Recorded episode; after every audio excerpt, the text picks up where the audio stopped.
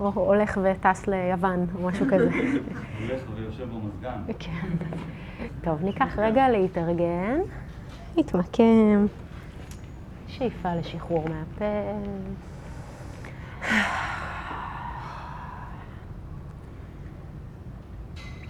להניח לעצמו את הישיבה, לפגוש את הקרקע במלאות.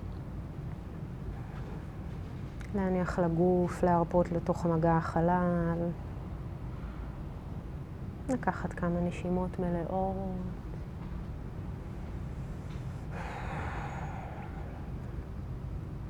לאפשר מרווח של כמה רגעים להתכנס לתוך המפגש הזה.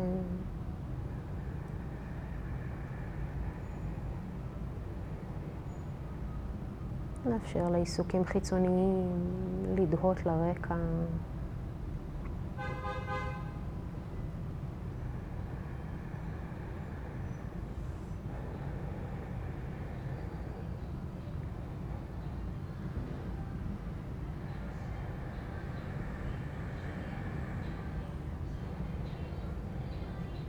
לאט לאט נפקח את העיניים, נחזור לחדר. שוב שלום, היי. אוקיי. קודם כל אני חייבת להגיד שאני הקשבתי להקלטה של שבוע שעבר, אם מישהו הצליח להבין משהו, כל הכבוד. זה היה די מבולגן אה, בעיניי. אז אנחנו קצת נחזור היום, אה, נוסיף כל מיני דברים אה, לדיון אה, של שבוע שעבר ונתחיל להתקדם, כמו שאמרתי, אל עבר הסיכום והסגירה של פרק אחד.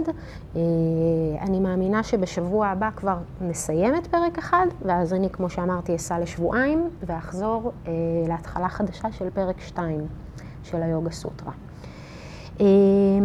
בעצם סיימנו את הפעם הקודמת אה, עם הסוטרה הראשונה מבין, לפי דעתי, שבע. כבר למדנו שאני לא הכי מדייקת במספרים של ההיבטים השונים. אני חושבת שיש שבע סוטרות שנותנות, תכף נראה, שנותנות אפשרויות שונות לתרגול.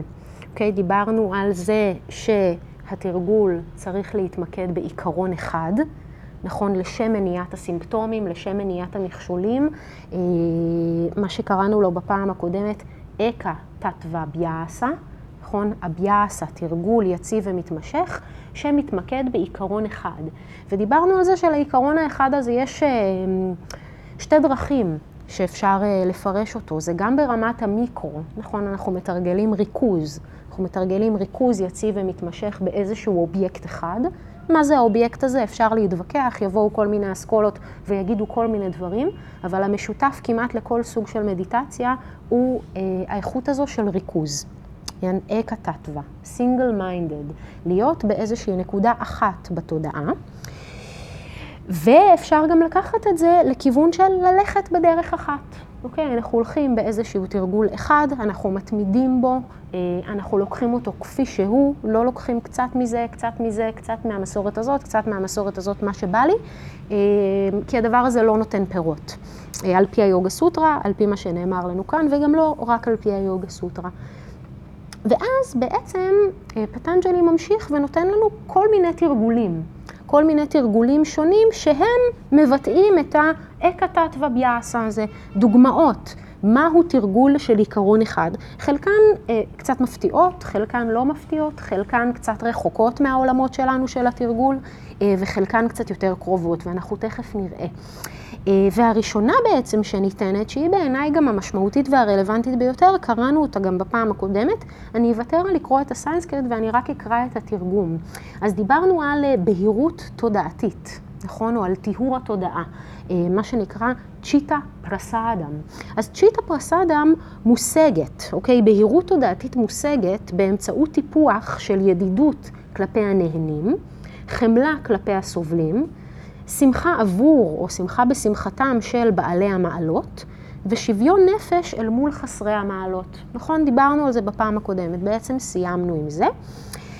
אה, הסברנו שכשאנחנו מדברים על בעלי מעלות וחסרי מעלות, בסנסקריט זה פוניה ואפוניה. אה, באנגלית נוהגים לתרגם את המילה פוניה כמריט, אוקיי? משהו ש... אה, אולי אפשר לתרגם אותו לעברית כמידה טובה, אוקיי? כשאני עושה... סגולה. סגולה, נכון, סגולה זה טוב. כשאני עושה מעשים טובים, אני צוברת אה, סגולות, אני צוברת מידות טובות, ואפוניה זה ההפך מזה, אוקיי? לעשות מעשים שהם לא טובים אה, ולצבור ההפך מסגולות, אוקיי? או ההפך ממידות טובות. לפעמים, או הרבה פעמים, משתמשים במילה חטאים, אבל היא לא בדיוק מדויקת כאן. אוקיי, אבל לצורך העניין אפשר גם רגע להעמיד את החטאים הזה ולראות את, ה, את הדיכוטומיה הזו, את שני הקצוות. אז כמה דברים שאני רוצה להגיד על הדבר הזה. קודם כל, לציין את העובדה שבהירות תודעתית, שהיא היעדר הסימפטומים של המכשולים, נכון? דיברנו על זה בפעם הקודמת, דיברנו על סבל, אה, דיברנו על אה, תודעה רעה, דאור מנסיה, על איזשהו הלך רוח מריר ורע, דיברנו על רעד של האיברים ואי סדירות בנשימה. זוכרים? אלה היו הסימפטומים של המכשולים. אז יש לנו כאן איזושהי שרשרת שאני רגע רוצה לחבר אותה. בהירות תודעתית שמצוינת כאן, הצ'יטה פרסאדם הזה, שהיא בעצם היעדר הסימפטומים, שהיא בעצם היעדר המכשולים. שמה זה היעדר המכשולים? היעדר המכשולים זה היעדר של צ'יטה וריטי, נכון? זה מה שוויאסה אומר לנו. ככל שיש לנו פחות מכשולים לתרגול, יש לנו פחות תנודות תודעה, יש לנו נירודה. אוקיי? יש לנו את השקטת תנודות התודעה. אז הבהירות התודעתית הזו, שהיא שווה אה, או נרדפת למטרת היוגה, צ'יטה, וריטי, נירודה, מושגת כאן בהיותה של התודעה פעילה, ערה אה, ופונה החוצה, אוקיי? מצויה בחילוף חומרים עם העולם. שזה יכול להיות דבר שהוא על פניו מאוד counter אינטואיטיבי לאיך שאנחנו נוהגים לחשוב על היוגי, אה, איך שאנחנו נוהגים לחשוב על היוגה, כאיזשהו משהו שמתרחש רק בתוך התרגול הפורמלי, בתוך דלתיים סגורות, כאיזשהו משהו שמרחיק אותנו מהעולם, ושאומר לנו לא להרגיש, או להיות אדישים, או להיות אפאתיים. ובעצם אנחנו יכולים להבין שכל הדברים האלה הם בעצם איזושהי פרשנות מוטעית של מסורת היוגה. פרשנות מוטעית שאפשר להבין אותה. אפשר להבין אותה אה, לאור ההצהרה צ'יטה וריטי נירודה, נכון? עצירה של תנודות התודעה. אבל העצירה של תנודות התודעה הזו, המשמעות שלה היא קצת יותר אה, מתוחכמת מלכבות את התודעה. אוקיי, ובאמת להפוך להיות איזשהו אה, רובוט או איזשהו אדם שהוא אה, מבחינה נפשית ורוחנית אה, מת באיזושהי רמה, שזה משהו שהרבה פעמים אה, אנשים חושבים אותו לגבי היוגה. אה, ולהבין שהעצירה הזו של תנודות התודעה, וגם דיברנו על זה, ודיברנו על זה מההתחלה כשקראנו את הסוטרה השנייה, היא עצירה של תנודות תודעה מסוג מסוים. היא עצירה של תנודות התודעה התגובתיות, האוטומטיות. והנה כאן יש לנו דוגמה למה זה ה-180 מעלות מתנודות התודעה שאנחנו רוצים לעצור. אוקיי? אנחנו יכולים דרך הסוטרה הזו להבין הרבה יותר טוב איזה תנודות תודעה אנחנו רוצים לעצור. כי אם בהירות תודעתית מושגת באמצעות טיפוח של ידידות כלפי מי שנהנה, אז אנחנו רוצים בעצם לעצור את תנודת התודעה ההפוכה, של איזושהי עוינות, של איזושהי אויבות, של קנאה, של צרות עין כלפי אלה שנהנים. אוקיי? אם בהירות תודעתית, שהיא כל הנ"ל, כן, כל אלה שאמרנו, מושגת באמצעות טיפוח של חמלה כלפי הסובלים, זה אומר שאנחנו רוצים לעצור את תנודת התודעה התגובתית האוטומטית של שמחה לאידם של הסובלים, אה, או כעס כלפי הסובלים, אה, או האשמה של הסובלים שמגיע להם. אם בהירות תודעתית מושגת באמצעות שמחה עבור בעלי המעלות, אנחנו רוצים לעצור את תנודת התודעה שלא שמחה בשמחתם של בעלי המעלות. שוב, שמאוימת מבעלי המעלות, שמקנאה בבעלי המעלות, שרואה מישהו שמתנהג בצורה יפה והוא בעל מעלות ואומרת, מה עם המעלות שלי? מה עם המידות הטובות שלי? איפה אני? למה אני נשארתי מאחור? אוקיי, והקשה ואולי המאתגר ביותר הוא שוויון נפש אל מול חסרי המעלות. אז שוב, אם בהירות תודעתית מושגת באמצעות שוויון נפש אל מול חסרי המעלות, תנודת התודעה שאנחנו רוצים לעצור היא ההפך מכך, אוקיי? היא המקום שבו התודעה שלנו מאוד מאוד מאוד נסערת ומאוד מאוד מעורערת אל מול אה, ביטויים של אה, היעדר מעלות, שזה סוג של understatement מאוד דיפלומטי כזה, כן, אל מול עוולות והתנהגויות שהן בעינינו לא מוסריות. אז זה קודם כל ברמה הכי בסיסית משהו שמאוד מאוד חשוב לזכור ולהפנים אותו. היוגה לא מבקשת מאיתנו להיות אדישה, לעצור את תנודות התודעה, לעצור את הפעולה כלפי חוץ, אלא היוגה מבקשת מאיתנו לעצור את דפוסי המחשבה ואת דפוסי הפעולה האוטומטיים ולהחליף אותם בדפוסי פעולה אחרים. עכשיו, אנחנו יודעים שדפוסי המחשבה האלה הם לא אוטומטיים בגלל שזה תרגול. אוקיי? אם זה לא היה, אה, אם ככה היינו באופן טבעי, היינו תמיד ידידותיים כלפי אלה ששמחים, היינו תמיד בחמלה כלפי אלה שסובלים, אז זה לא היה ניתן לנו כתרגול שבאמצעותו מושגת בהירות תודעתית. אז נדרשת מאיתנו גם כאן איזושהי מידה של ענווה ואיזושהי מידה של כנות פנימית, לראות באמת מה קורה לנו אה, כשמישהו אחר שמח, כשמישהו אחר מקבל משהו שאני לא מקבלת, אה, כשמישהו אחר סובל ואני לא סובלת.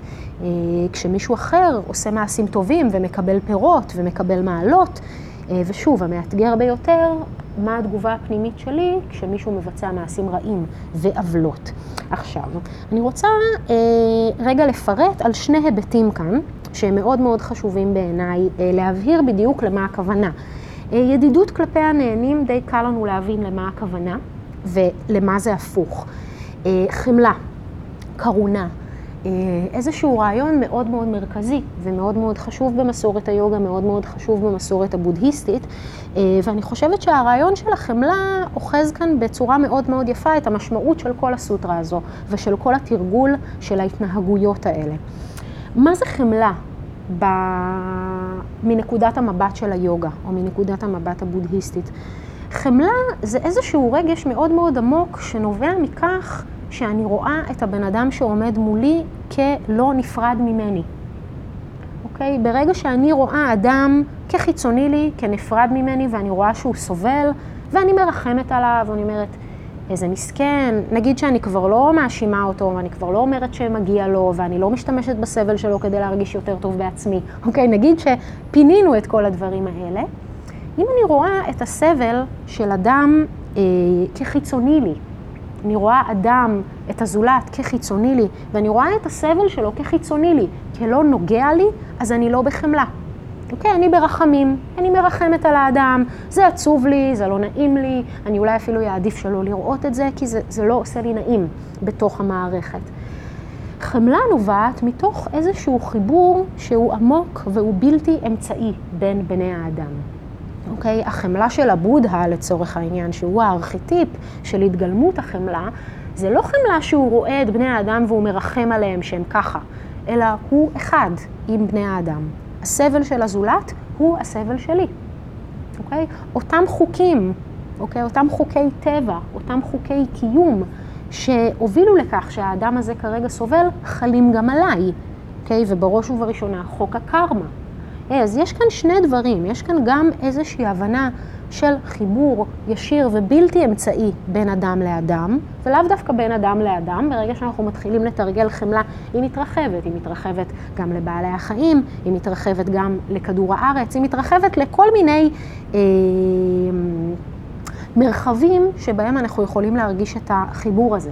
ואנחנו יכולים להרגיש שכשאיזשהו אה, אלמנט מתוך המרקם האחדותי הזה נפגע, גם אנחנו נפגעים, אוקיי? וזה המקום של חמלה. עכשיו, אה, דבר נוסף שציינתי זה באמת ההבנה של חוק הקרמה. אוקיי? אנחנו מבינים שיש איזושהי מידה של סבל, יש איזושהי מידה של קושי, שכל אחד ואחת מאיתנו מיועדים לחוות בשלב כזה או אחר של חיינו, וזה לא בהכרח כי טעינו, כי לא היינו מספיק טובים, כי לא השקענו מספיק, כי אם היינו עושים אחרת אולי לא היינו סובלים. יש הרבה סבל על פי חוק הקרמה שאנחנו חווים היום בהווה בגלל דברים שנעשו בלידה קודמת, או לפני שלוש לידות, או לפני מאה לידות. אוקיי? אז יש פה שתי נקודות שמאוד מאוד מרחיבות את הפרספקטיבה לגבי סבל, אה, ומאפשרות לחוש איזושהי חמלה שהיא אמיתית ועמוקה כלפי הזולת, וכמובן כלפי עצמי.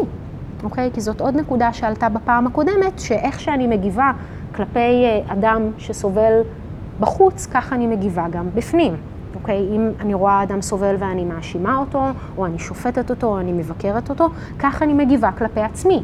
כן, אם אני סובלת, אז אני עשיתי טעות, ואני לא בסדר, ואני צריכה להשתפר. אוקיי? אז זה בדיוק אותו דבר. או אם אני אה, קיבלתי משהו ואני שמחה, אה, ואני מרגישה שאני לא ראויה, או שזה לא בסדר. אוקיי? אז גם זה, ידידות כלפי הנהנים. ידידות כלפי הנהנים בחוץ, וידידות כלפי הנהנים בפנים. אוקיי? גם כאן יש לנו את חוק הקרמה. זכינו לפעמים בפרי, לא בהכרח בגלל ההתנהגות שלנו בהווה. זכינו בפרי לפני משהו שאולי עשינו לפני עשר שנה, עשר שנה, עשר שנים, ועשר לידות, אוקיי? אז יש כאן איזושהי התרחבות של נקודת המבט שיושבת בתוך ארבע מצבי התודעה האלה, או ארבע ההתנהגויות האלה, אה, וזו איזושהי התרחבות מנקודת המבט של אני, שלי, ואתה שלך. אוקיי? איזושהי נקודת מבט שקצת מרחיבה את הנפרדות הזו אה, שאנחנו חווים זה מזה וזו מזו וזה מזו לאורך היום-יום. מרגיש כאילו זה מגדיל את הסבל. באיזה רמה? ברמה שגם ככה את סבל, ואז. כאילו את אה, נפגשת עם סבל של מישהו אחר, ואת מכילה את זה, וחווה את זה כסבל שלך, אוקיי? נכון. הגברת הסבל.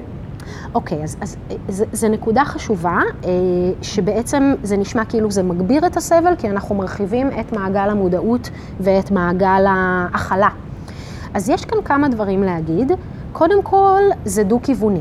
כלומר, אז כשאני סובלת, גם יש אולי איזשהו מישהו שרואה את הסבל שלי ומכיל אותי וחווה חמלה כלפיי. אוקיי? אז יש כאן איזשהו, איזושהי דו-כיווניות שנגיע אליה גם בהמשך. אה, יש סוטרה מאוד מאוד יפה שאני מאוד אוהבת בפרק 2 שמדברת על אהימסה, על אי אלימות. והיא אומרת, מי שנוהג אה, באי אלימות, כל בעלי החיים באים אליו. עכשיו, זה, זה מתקשר לי לזה כי זה מאוד מאוד יפה. כלומר, אם אני נוהגת באי אלימות, אני מקבלת אי אלימות, כי אני מקבלת תמיכה לדבר הזה.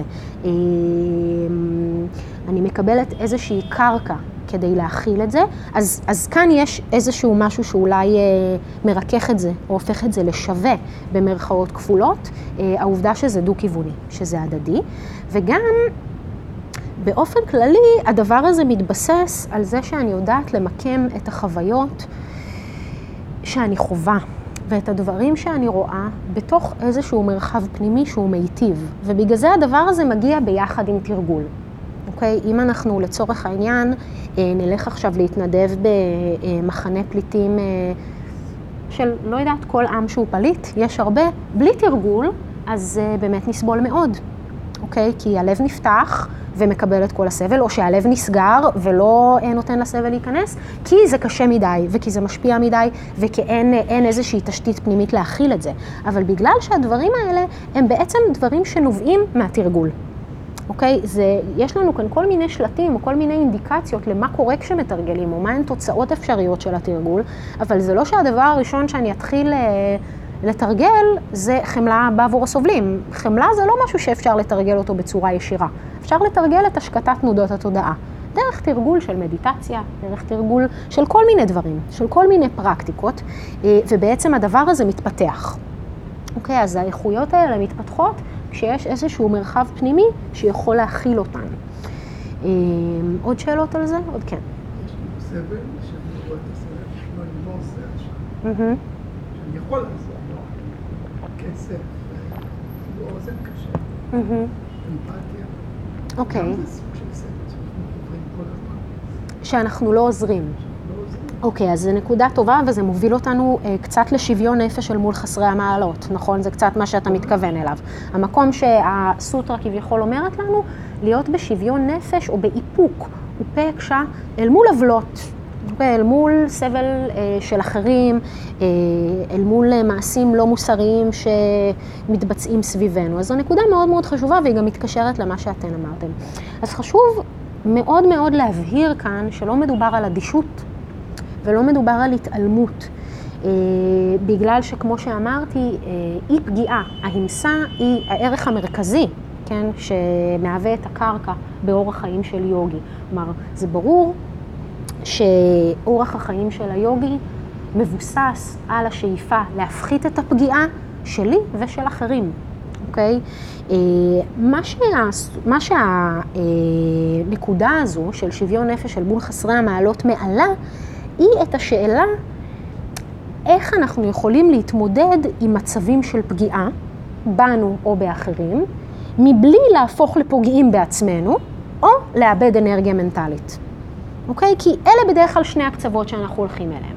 אנחנו רואים עוולה, אז או שאם אנחנו אומרים, אוקיי, אם האדם הזה מתנהג בצורה לא מוסרית, אז אה, מותר דמו, מותר לי לפגוע בו, נכון? מותר לי לפגוע בו כדי לעצור את הפגיעות שהוא יוצר, אז אני הופכת לפוגעת בעצמי.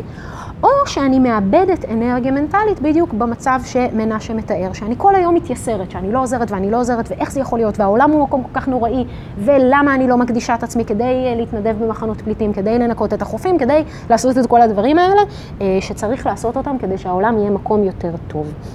עכשיו, מה שבעצם הרעיון הזה של אופקשה מכוון אותנו אה, לתרגל, זה לעשות את מה שאנחנו יכולים לעשות. וזהו, אוקיי? וזאת שאלה אה, שכל אחד ואחת מאיתנו אה, צריכים לשאול את עצמנו. מה אני יכול לעשות?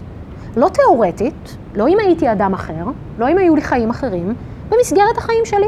במסגרת זה שיש לי אולי בית שאני צריך לדאוג לו, יש לי אולי משפחה שאני צריך או צריכה לפרנס, יש לי ילדים שאני צריך לדאוג להם, יש לי גוף שאני צריך לדאוג לו, יש לי mind שאני צריך לדאוג לו, יש הרבה דברים שאנחנו צריכים לעשות, כי אנחנו לא נזירים. אז בתוך האורח חיים שלי, בתוך מי שאני, מה אני יכול או יכולה לעשות כדי להקטין את הפגיעה בעולם, כדי קצת לתת קונטרה לעוולות האלה שמתרחשות. ובדרך כלל כשנשאל את זה ככה, נגלה שיש המון דברים שאנחנו יכולים לעשות. בדרך כלל מה שקורה לנו זה שאנחנו תקועים באיזשהו אה, ספקטרום מאוד קיצוני. או שאני חי את החיים שלי בהתעלמות מוחלטת והכחשה מוחלטת של מה שקורה בעולם, או שאני עוזבת הכל ונהיית איזה רובין הוד או איזה אה, חיילת של גרין פיס והולכת להציל לוויתנים. אבל לא, יש המון דברים שאנחנו יכולים לעשות כל יום. בבחירות שלנו, אה, בבחירות היומיומיות, על הדרך, בלי להתאמץ ובלי לשנות כמעט שום דבר באורח החיים שלנו, כדי שנרגיש שאנחנו באיזושהי צורה נותנים תגובה מיטיבה אל מול חסרי המעלות, אוקיי? וזה השוויון נפש הזה. אה, זה בעצם, כמו שאמרתי, לעשות את מה שאני יכולה לעשות, לעזור היכן שאני יכולה לעזור, בכנות, בלב שלם, באהבה, וזהו. אם אני עוזרת ואני מרגישה שצריך לגמול לי, אם אני עוזרת וזה מפתח אצלי מרירות, אם אני עוזרת וזה מתיש אותי וגורם לי להזניח דברים אחרים שאני עושה בחיים שלי, אז לא עשינו כלום. כי המטרה שלנו היא להוריד את הפגיעה. באופן כללי, גם אנחנו חלק מהמרקם הזה. זה לא יעזור לנו אם נלך אה, לעזור לבעלי החיים, אבל נפגע בעצמנו, או נפגע במשפחה שלנו, או נפגע בילדים שלנו, או נפגע בכל דבר אחר. אוקיי? המאזן של הפגיעה הוא לא מורכב מאנשים מסוימים יותר ומאנשים מסוימים פחות. כולנו חלק מאותו מאזן. אז איך אני יכול לעזור בלי לפגוע בעצמי? את מה שאני יכול לעשות אני עושה, וזהו. אוקיי? אני לא מתייסר על מה שאני לא עושה, אני לא מנהל מאבקים בתודעה אל מול אלה שפוגעים, והם לא בסדר, והם כן בסדר, ולמה זה ככה? כי בעצם הסוטרה הזו מצביעה על איזושהי עובדה מאוד מאוד בסיסית לגבי התודעה, שמה שהתודעה עוסקת בו, אליו היא הופכת.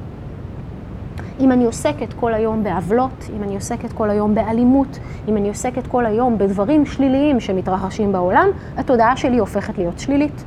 ואת השלילית הזו, את השליליות הזו אני מפנה פנימה, ואת השליליות הזו אני מוציאה החוצה, ברמה המיידית. אוקיי? אז, אז מה שהסוטרה הזו בעצם מבקשת מאיתנו זה לשים לב מה קורה לנו בתודעה אל מול חסרי המעלות. אנחנו יכולים להיות מאוד מאוד מעורבים בעולם, להיות מאוד מאוד מעורבים במאבקים פוליטיים, במאבקים חברתיים, בכל דבר שמבחינתנו אה, משרת את העולם והופך אותו למקום יותר טוב, בלי שהתודעה שלנו תתערער אל מול הדבר הזה.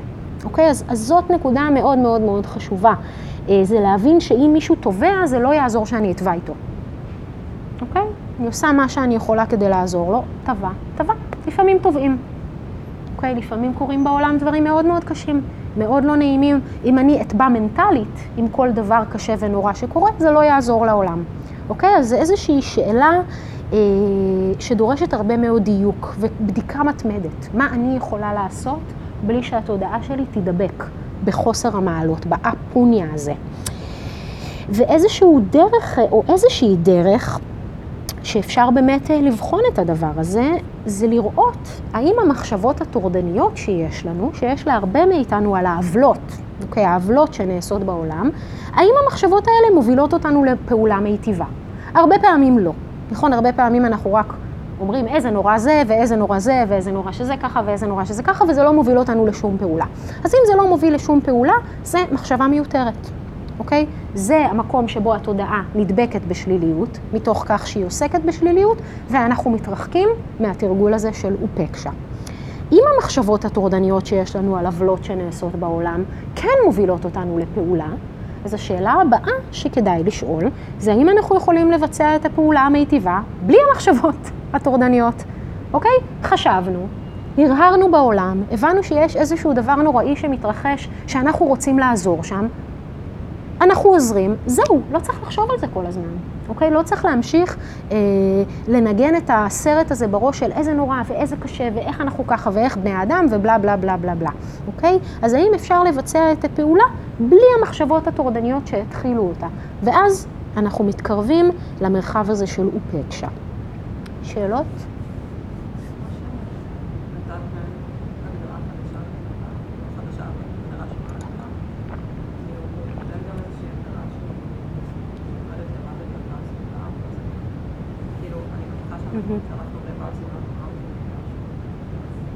אוקיי, אז זו שאלה טובה לאיזה סגולות אה, או חוסר סגולות הוא מתכוון. אז כן, בפרק השני אנחנו נדון בזה, תחת המסגרת של ימה וניימה. מהי התנהגות ראויה ומהי התנהגות לא ראויה מבחינת היוגה סוטרה. זה לא מאוד מאוד שונה ממה שאנחנו היינו חושבים אינטואיטיבית, אבל כן יש דגשים אחרים. אוקיי, אז שאלה טובה, אה, נגיע לזה בהמשך. עוד שאלות על זה? אוקיי, אז נראה לי שדי סיימנו עם זה. הסעיף הזה בעצם, או הסוטרה הזו, כן, צדקתי, שבע. פותחת רשימה אה, של שבע אפשרויות נוספות לאיך להשיג את הצ'יטה פרסאדם הזה. אה, אנחנו נקרא קצת, לא נתעכב על זה. מה שחשוב פה בעיניי זה העובדה אה, שאנחנו עוד פעם רואים עדות לזה שהטקסט פחות נותן חשיבות לאיזה תרגול, יותר לאיך לתרגל. אז פטנג'לי, כמו שאמרנו כבר, הוא קצת לפעמים תופס איזושהי מין צורה של אנציקלופדיה ליוגה. הנה, יש את זה ואת זה ואת זה. כך אנשים מתרגלים. אז אנחנו גם מקבלים כאן איזושהי הצצה היסטורית למה אנשים עשו תחת הכותרת הזאת של יוגה, אה, בערך סביב שנת 500 לפני הספירה. וגם, שוב, מקבלים את, ה, את, ה, את היופי הזה במסורת הזו, שאין היצמדות לפרקטיקה אחת. אז הוא אומר ככה, יש לנו כאן ווה כל הזמן, ווה, ווה בסנסקריט זה או, אוקיי? אז בהירות תודעתית מושגת באמצעות טיפוח של ידידות כלפי הנהנים, בלה בלה בלה, מה שקראנו, או באמצעות הוצאת אוויר ועצירת הנשימה. או כשמתחילה פעילות של חושים עיליים, או כתוצאה מאי צער ואור, או כתוצאה, וזה מעניין, מהתמקדות בתודעה שהינה ללא היקשרות. כתוצאה מאיזושהי התמקדות באדם, בגורו, או באיזשהו מורה שהתודעה שלו מתקדמת משלנו. אוקיי? באמצעות התמקדות בתודעה שלו, התודעה שלנו יכולה להשיג אה, בהירות, או כתוצאה מידיעה המושגת בזמן שינה, או, וזו גם חשובה, האחרונה, כתוצאה ממדיטציה על כל אובייקט שהמודט יחפוץ בו. אוקיי? אז בהירות תודעתית יכולה אה, להיות מושגת כתוצאה ממדיטציה על כל אובייקט שהמודט יחפוץ בו. כלומר, וויאסה אה, מרחיב ואומר כל אובייקט שמתאים ליוגה. והרציונל שעומד מאחורי אה, המחשבה הזו זה שאם התודעה יכולה להתייצב שם, היא יכולה להתייצב בכל מקום אחר. אבל זה כן צריך להיות אובייקט שמתאים ליוגה. כלומר, אובייקט שלא מאופיין באלימות, לצורך העניין, אה, ואובייקט שדורש איזשהו ריכוז פעיל, כי לצורך העניין אנחנו יכולים לחוות איזשהו ריכוז מאוד גדול שאנחנו רואים סרט, אבל זה לא אומר שהתודעה שלנו אה, נכנסת לכושר של ריכוז, אוקיי? אז אנחנו מחפשים איזשהו אובייקט שהוא אה, לא פעיל, כמו סרט או טלוויזיה או כל דבר, אובייקט שהוא פסיבי, שהוא שקט ושהוא מתאים ליוגה. אז גם כתוצאה מהתמקדות בכל אובייקט שהמודט יחפוץ בו. האמת שזאת שאלה טובה, אני רואה שלא הבאתי את הסנסקריט. אני מתארת לעצמי, אה, האמת שאני תכף אבדוק את זה, נבדוק את זה אחר כך. בדיוק אה, תוך כדי שאני קוראת, אני קולטת שלא הבאתי את זה. נבדוק, זו שאלה טובה, יש כמה אפשרויות. אוקיי, עוד שאלות על זה? כן. Mm-hmm.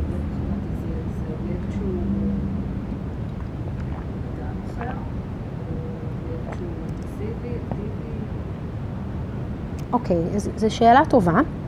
יש כל מיני אובייקטים שמשתמשים בהם במסורת היוגה. קודם כל, מה שקרוב מאוד אלינו זה יכול להיות תחושות הגוף, או התנועה של הגוף, תוך כדי תרגול. זו יכולה להיות תנועת הנשימה. יש זרמים שמשתמשים במנטרה כדי למקד את התודעה, יש זרמים שמתמקדים באיזושהי דמות של אל, יש uh, תרגולים של מדיטציה שמתמקדים בנר או בלהבה, יש מסורות כמו הזן שמתמקדים בקיר uh, או בכל דבר כזה. אז יש כל מיני אפשרויות. Uh, אבל שוב, זה לא יכול להיות משהו שהתודעה שלי מתרכזת בו בצורה פסיבית, כמו נגיד טלוויזיה. שזה משהו שמאוד שואב את התודעה, אבל לא כי התודעה עכשיו עושה מאמץ להתרכז, אלא כי יש פה איזה גירוי שפשוט אי אפשר לעמוד בפניו. אז להפך, זה איזשהו אובייקט שהוא נטול גירויים. אוקיי? עוד שאלות? אוקיי. אז אני מתלבטת אם לעצור כאן או לעבור לסוטרה הבאה. אין לנו הרבה זמן, אני רק אקרא אותה. ואנחנו קצת נמשיך אליה בפעם הבאה. אז בעצם מה שאנחנו נעשה עכשיו זה נקפוץ לסוטרה 41, ואיתה בעצם נסיים את פרק אחד. פרק אחד. נקרא אותה, נבין אותה, נסביר אותה, ואז ניקח איזשהו סיכום של כל פרק אחד של הנושאים המרכזיים שדנו בהם, ואת זה נעשה כבר בפעם הבאה. אוקיי. אני לא נראה לי שאני אקריא את הסנסקריט כי זה מאוד מאוד ארוך. אני אקריא אותו פעם הבאה, כשנפתח עם הסוטרה הזו. אבל יש לנו כאן בסוטרה 41 שני ביטויים, או, או דימוי וביטוי מאוד מאוד חשוב. מוצג לנו כאן עוד איזשהו ביטוי שהוא מאוד מרכזי בטקסט, סמאפתי. סמאפתי, דיברנו עליו גם בפעם הקודמת, סמאפתי מילולית זה איזושהי התמזגות או היספגות. וזה עוד איזושהי דרגה של ריכוז או של הישג שהתרגול מוביל אליו. היה לנו סמדהי בהתחלה, ועכשיו יש לנו סמאפתי. ובאותו האופן, כמו שהיה לנו על סמדהי, כמה סוטרות שנותנות כל מיני סוגים שונים של סמדהי, שלא קראנו אותן, כי זה פחות רלוונטי לצרכים שלנו. גם כאן, אחרי סמאפתי, פטנג'לי נותן רשימה של כמה סוטרות, שבהן מדובר לנו על סוגים שונים של סמאפתי. סוגים שונים של ההישג המדיטטיבי הזה, שנקרא סמאפתי, התמזגות או היספגות. וכאן, בסוטרה הזו, בעצם פטנג'לי מסביר לנו את הפרשנות הבסיסית, את המשמעות הבסיסית של הסמאפתי הזה. והוא אומר ככה, עבור מי שתנודות תודעתו פחתו, שהוא, וכאן יש לנו דימוי מאוד מאוד יפה, כמו אבן חן שקופה, המקבלת את צבעו של הדבר שעליו היא נחה. אוקיי? תכף החלק האחרון. יש לנו כאן דימוי שמי שתנודות תודעתו פחתו, שיש לו פחות צ'יטה וריטי, שיש לו יותר נירודה, התודעה שלו הופכת להיות כמו אבן חן שקופה.